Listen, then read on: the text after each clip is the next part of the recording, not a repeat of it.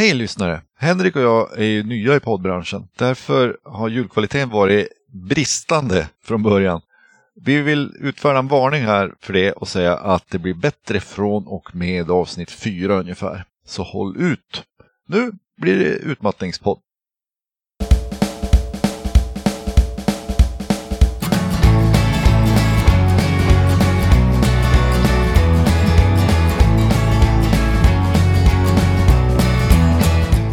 Välkomna till Utmattningspodden. Med Andreas och Henrik.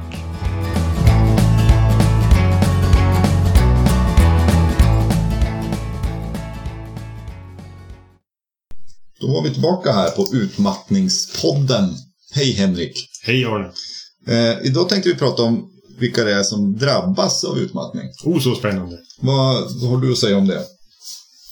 Ja, det finns väldigt många som har uppfattningar på något vis om vilka som drabbas av psykisk ohälsa. Och här kommer vi lite grann in på det här stigmat återigen. Det kan vara att vara drabbad av just någonting som liksom upplevs sitta i hjärnan främst och som kanske delvis är eh, självförvållat eller som man i alla fall hade kunnat undvika på något sätt.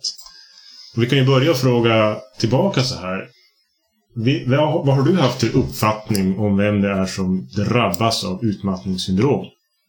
Vad tänkte du liksom innan det hände och du var insatt som du är nu? Det är ju så här att det, det är ju schablonbilden som kommer till sinnes. Eh, Mm, vilken då? Och det var det ju då också. Det är väldigt lätt att tänka sig en Stockholms entreprenör. Någon som springer väldigt mycket. Sådana. Gärna till tunnelbanan. Oj, oj. Eller förlåt, de åker nog inte kollektivt. Eh, men i alla fall. Eh, Den typen av egenföretagare eh, som eh, bränner ut sig för att klara firman. Mm. Ja, det där är ju en, en bild och jag har ju jobbat flera år i Västerbottens läns landsting och eh, på en vårdcentral och med försäkringsmedicin och sånt där. Så jag började efterhand få uppfattningen, eh, inte heller baserat bara på studier utan vilka jag såg, att det handlar väldigt mycket om personal i vård, skola och omsorg med särskild tonvikt på medelålders kvinnor så att säga. Kanske eftersom det är de som eh, återhämtar sig minst, men det var i alla fall de jag träffade mest där. Hur har din bild förändrats sen när du blivit drabbad? Ser du liksom utmattningsdrabbade överallt här eller känner du dig ensam? Nej, jag ser dem överallt. Mm. eh, På riktigt. Det som, det som har slagit mig är att sen jag började prata om det här. Mm. Eh, jag har tänkt här. Jag har tyckt mig se utmattad överallt. Mm. Eh, eftersom när, man, när jag började prata om det här. Mm. efter att jag själv hade, hade fått en diagnos så var, var det väldigt tydligt att eh, det, svar, det var väldigt många i om, om, omkring Mm. mig som svarade med att berätta om liknande erfarenheter. Och hur många av de här som du plötsligt har börjat se som utmattade är alltså Stockholms entreprenörer som springer till sin taxi? Ingen av dem. Ingen av dem. Märkligt. Nej, och jag beskrev att jag har träffat en massa personer som jobbar kanske på förskolor så att säga, där det är personalneddragningar som har blivit utmattade. Mm. Nej, precis. Vad drar du för slutsatser av det? Vad är det för människor? Vilken typ blir drabbade liksom? Slutsatsen måste ju vara att det inte finns någon typ. Just det. Det är, sen är det ju såklart, man, man kan titta på eh, om, om, om en viss grupp Mm. inom vården skulle vara eh, jättestor så kan man ju se det som en typ såklart. Och det är, väl, det är Mm. väl lätt att de då får stå som, då får de istället stå som bild för hela gruppen. Om vi ska byta ut Stockholms entreprenörer mot någonting. Och det, Det här- hjälper ju ingen. Det här är ju väl en, en väldigt viktig aspekt att prata om det. Som jag tycker är viktigt att framhålla apropå just det här att det är så lätt att skämmas för psykisk ohälsa. För att mänskliga hjärnan funkar väl lätt så att man vill ha en enkel bild av att det är någon, någon typ av människor som drabbas. Och att man i bästa fall då inte tillhör den typen. Alternativt att man vill veta det som man kan förhindra det. Men jag tror nog ändå att det ligger åt, åt det negativa. Va? att man får för sig att det är kanske svaga människor som drabbas eller någonting sånt där. Att det är folk som, som är, klena på något vis, som Mm. man själv inte kommer att drabbas. Och vi har nämnt två väldigt olika grupper som bevisligen drabbas. Och då kan man ju fundera på om det är så att det inte alls går att förutse. Mm. Och sen, eh, man ska ju inte underskatta det här i att eh, dels att det är inte de, det är ingen, de är inte som jag. Mm. Eh, Det är dit man vill ha det va? ja, precis. Så det är den andre. Mm. Väldigt tydligt.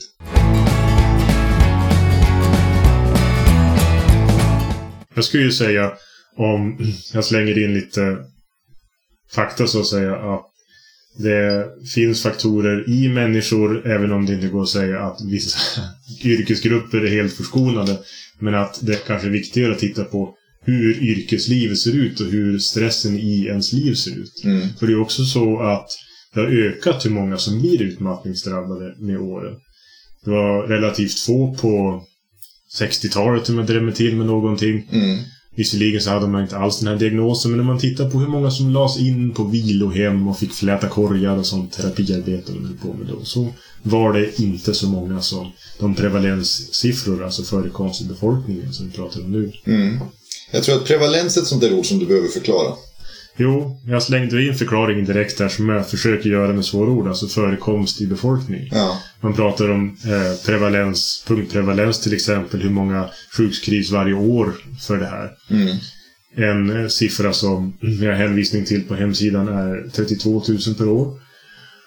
Mm. Och eh, alltså en tredjedel av en årskull ungefär. Vad tänker du? Och då eh, 32 000 per år. Mm. Och har vi några siffror på hur länge man är sjukskriven? då? Mm. Vi pratade ju lite grann om det sist och ofta så handlar det om ett år på antingen heltid eller nästan heltid, alltså 75 procent. Sedan så är det ju oftast i princip livslångt med vissa symptom. Men Mm. många är tillbaka på heltid efter tre år. Mm. Och här som vi också var inne på så stick- sticker jag ut hakan och säger de här siffrorna. För de kan jag inte stå för i, individuella fall. Men det är en ganska vanlig siffra för en ganska genomsnittlig person som bränner ut sig i 40-årsåldern. Mm. Sen ska vi säga att när vi säger att eh, det är bestående symptom Mm. så behöver ju inte det betyda att man inte kan arbeta. Nej, Jag tror att det är viktigt att vara tydlig på Precis. den punkten. det är ju som en typ av ärrvävnad. Ärren är kvar men eh, så det syns att man har blivit skadad och kanske är de delvis funktionshindrade och sätter sig på en leder och så. Ja. Men 32 000, Och sen Det- har vi också en siffra att det är 18 procent livstidsprevalens. Alltså hur många drabbas, hur många procent av individerna drabbas alls av utmattningssyndrom per år. Då har vi siffran 18 procent. Båda de här siffrorna är lite skakiga för att, för ja, men egentligen byråkratiska skäl. Utmattningssyndrom en relativt ny diagnos och den har inte ens någon, någon kodning i det vanligaste sättet att koda diagnoser i, i svensk sjukvård. ICD-10 som man använder för, för ersättningsberäkning och sånt och där. ICD-10 är alltså en lista på Ja, diagnoskoder. international, international Classification of Disorders. Det är väldigt, väldigt mycket som finns klassificerat där. Just Och eh, utmattningssyndrom sorteras som allmän stressreaktion. Jag skulle vilja gå tillbaka en sekund. Mm. Eh, eftersom jag förstod inte vad de där 18 procenten var. Det är hur många som under sin livstid kommer att drabbas av utmattningssyndrom. Okej. Så att 18 procent av befolkningen Ja, i dagsläget. under sin levnad kommer att känna Precis. av en problematik. Inom... De kommer att drabbas av stresskollaps och hela skiten. Jaha, den allvarliga. Ja. Den allvarliga delen. Just det. För det är ju, eh, som vi har sagt, eh, så är det ju en väldigt bred diagnos Mm. också. Att jag har ju bekanta som har fått utmattningssyndrom som diagnos och varit Mm. sjukskriven i tre månader Mm. på deltid Mm. och fått eh, behandling hos psykolog och är tillbaka på heltid Mm. ganska omgående. Medan jag då till exempel har hållit på i flera år. Mm. Eh, så när man pratar om vem som drabbas Mm. så måste man väl också prata om vad betyder diagnosen? Mm.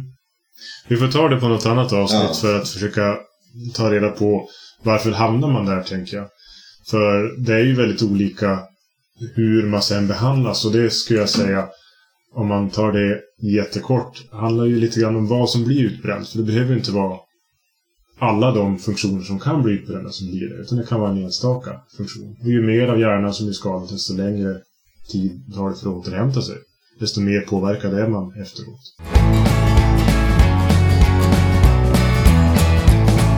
Men om vi pratar om riskgrupper då. Mm. Det är det viktiga här, tänker jag. Apropå vem drabbas. Ja. Eh, Hur, vad säger psykologerfarenheten? Mm. För vi kan ju diskutera om det är någon specifik grupp så här som man gärna, gärna vill ha det till i efterhand när vi funderar på vilka omständigheter som krävs. För det är just omständigheter. Och en av dem är intensiv stress under minst ett halvår, ofta mycket längre tid. Mm. Just det, men, men man säger ett halvår för att få någon slags mätbarhet Ja. egentligen då. Precis. Det finns eh, forskare som beskriver det som att eh, utbrändhet är speciellt vanligt hos de som grundar sin självkänsla i sina arbetsprestationer. Mm.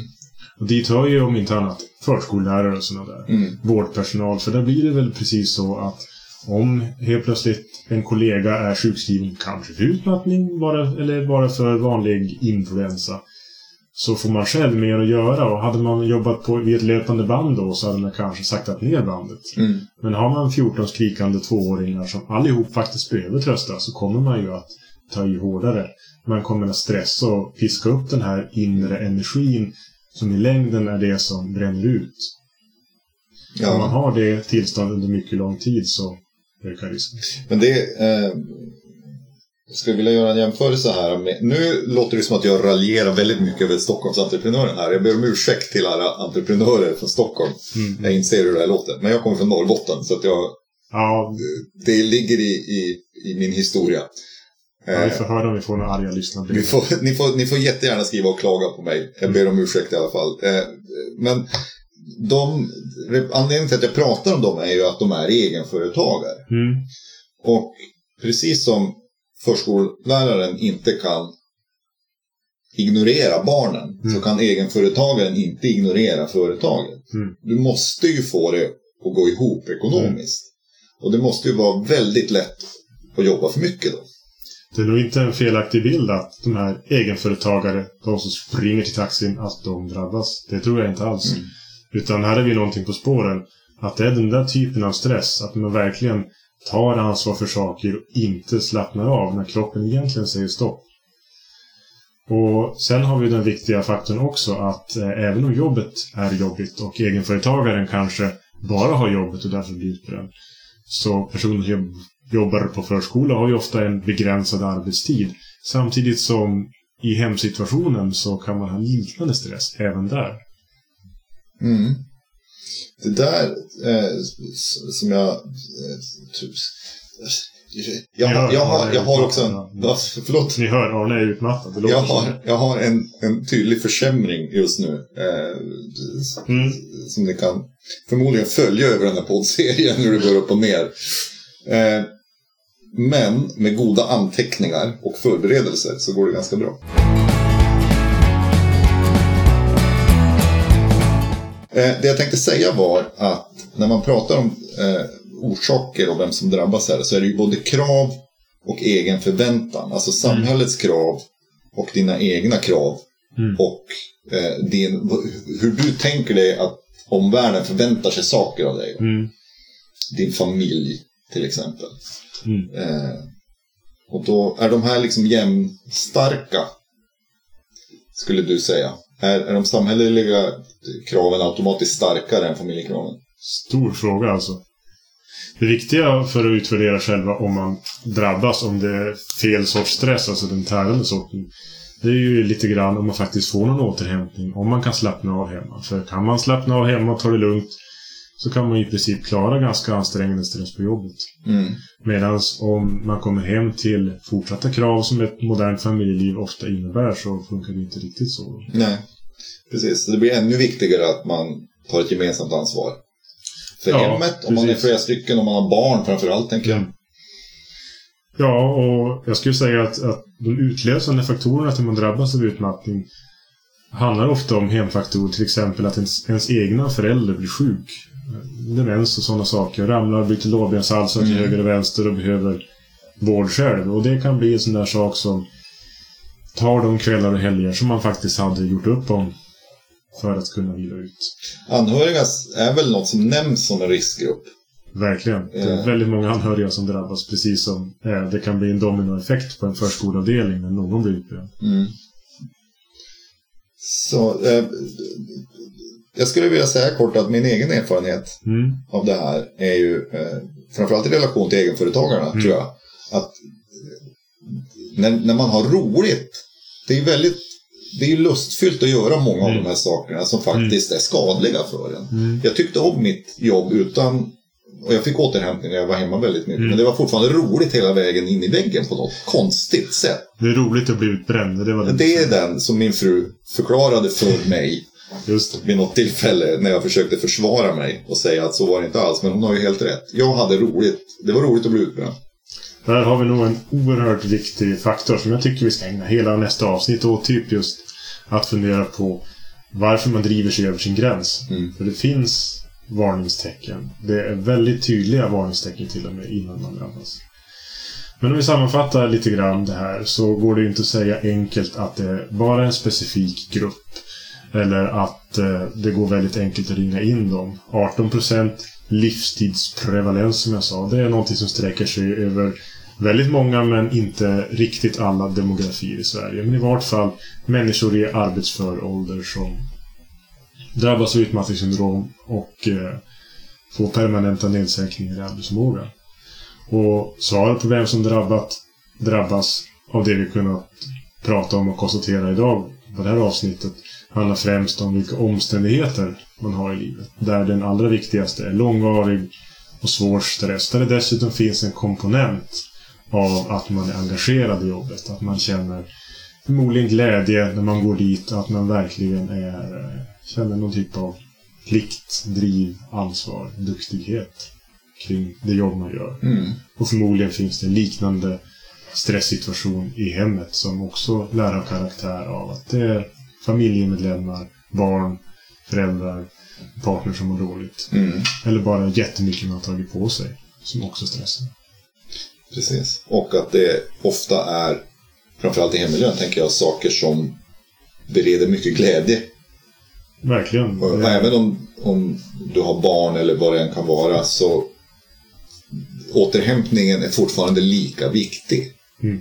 Men att, att det kan finnas en glädje i att åsidosätta. Jo, det är också en, en viktig poäng som kanske är omistlig att om man återhämtar sig ordentligt så blir man nog inte utmattad. Mm. Men återhämtningen försvinner om inte längre fungerar. Säkert av logiska och förståeliga skäl, typ att man har lovat mycket och måste. Men eh, det får vi prata om mer sen. Mm. Då så. Tack för den sammanfattningen. Nu blir det någonting helt annat.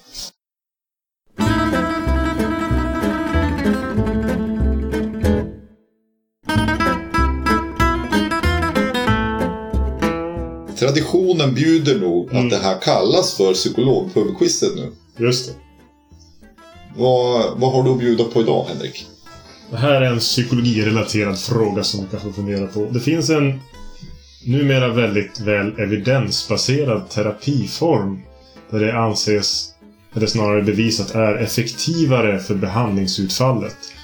Om terapeuten, till exempel jag, under det att du berättar om det du ska berätta om som patient, sitter och viftar med pekfingret eller pendlar med det så här. En terapiform alltså går ut på att jag som terapeut, nu ser inte ni lyssnare det, men sitter och pendlar med pekfingret framför patientens ansikte. Vad används den här metoden för att behandla? Vilket psykiatriskt tillstånd? Jag tänker på professor Kalkyl, osökt. Mm. Pendelhand. I, ten, I Tintin som går runt med sin pendel. Mm. Eh, Det ja, funkar med en pendel, man använder det ibland. eh, det är, ja, precis. Är inte det en sån klassisk bild på Freud om pendel?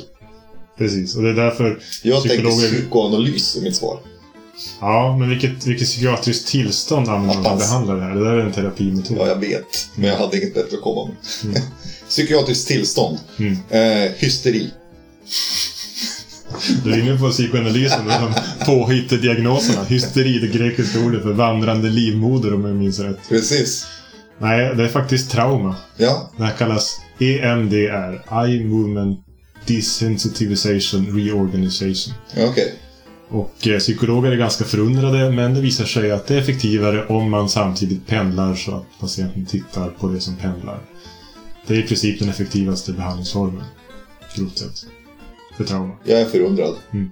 Eftersom det här är förundransvärt så måste jag ju följa upp med en lika förundransvärd fråga. Ja, låt det komma. Vad heter MacGyver i förnamn? Ja, det här tycker jag är fusk för du är född på 70-talet. Nästan tio år yngre än du. Jag vet inte. Vill du ha alternativ? Ja, visst. Heter han Angus, Arthur eller Mac? Jag kör på Mac, det vore coolast. Mac MacGyver. Ja, precis. Så här, det, hade varit lite, det hade varit coolare. Ja. Han heter Angus. Ah, just det. Det är sant. Och den av er som visste det här innan får gärna höra av sig. Mm. Jag förutser att vi inte får några mejl på den punkten. På utmattningspodden.se hittar ni länkar till allt vi pratat om. Och där finns också kontaktuppgifter och hör jättegärna av er. Och lyssnarfrågor kommer att behandlas i särskilt insatta specialavsnitt. Och musiken som vi använt i det här programmet är Holiday in Toontown av Texas Gypsies och Coffee av Josh Woodward. Och länk till dem finns också på utmattningspodden.se.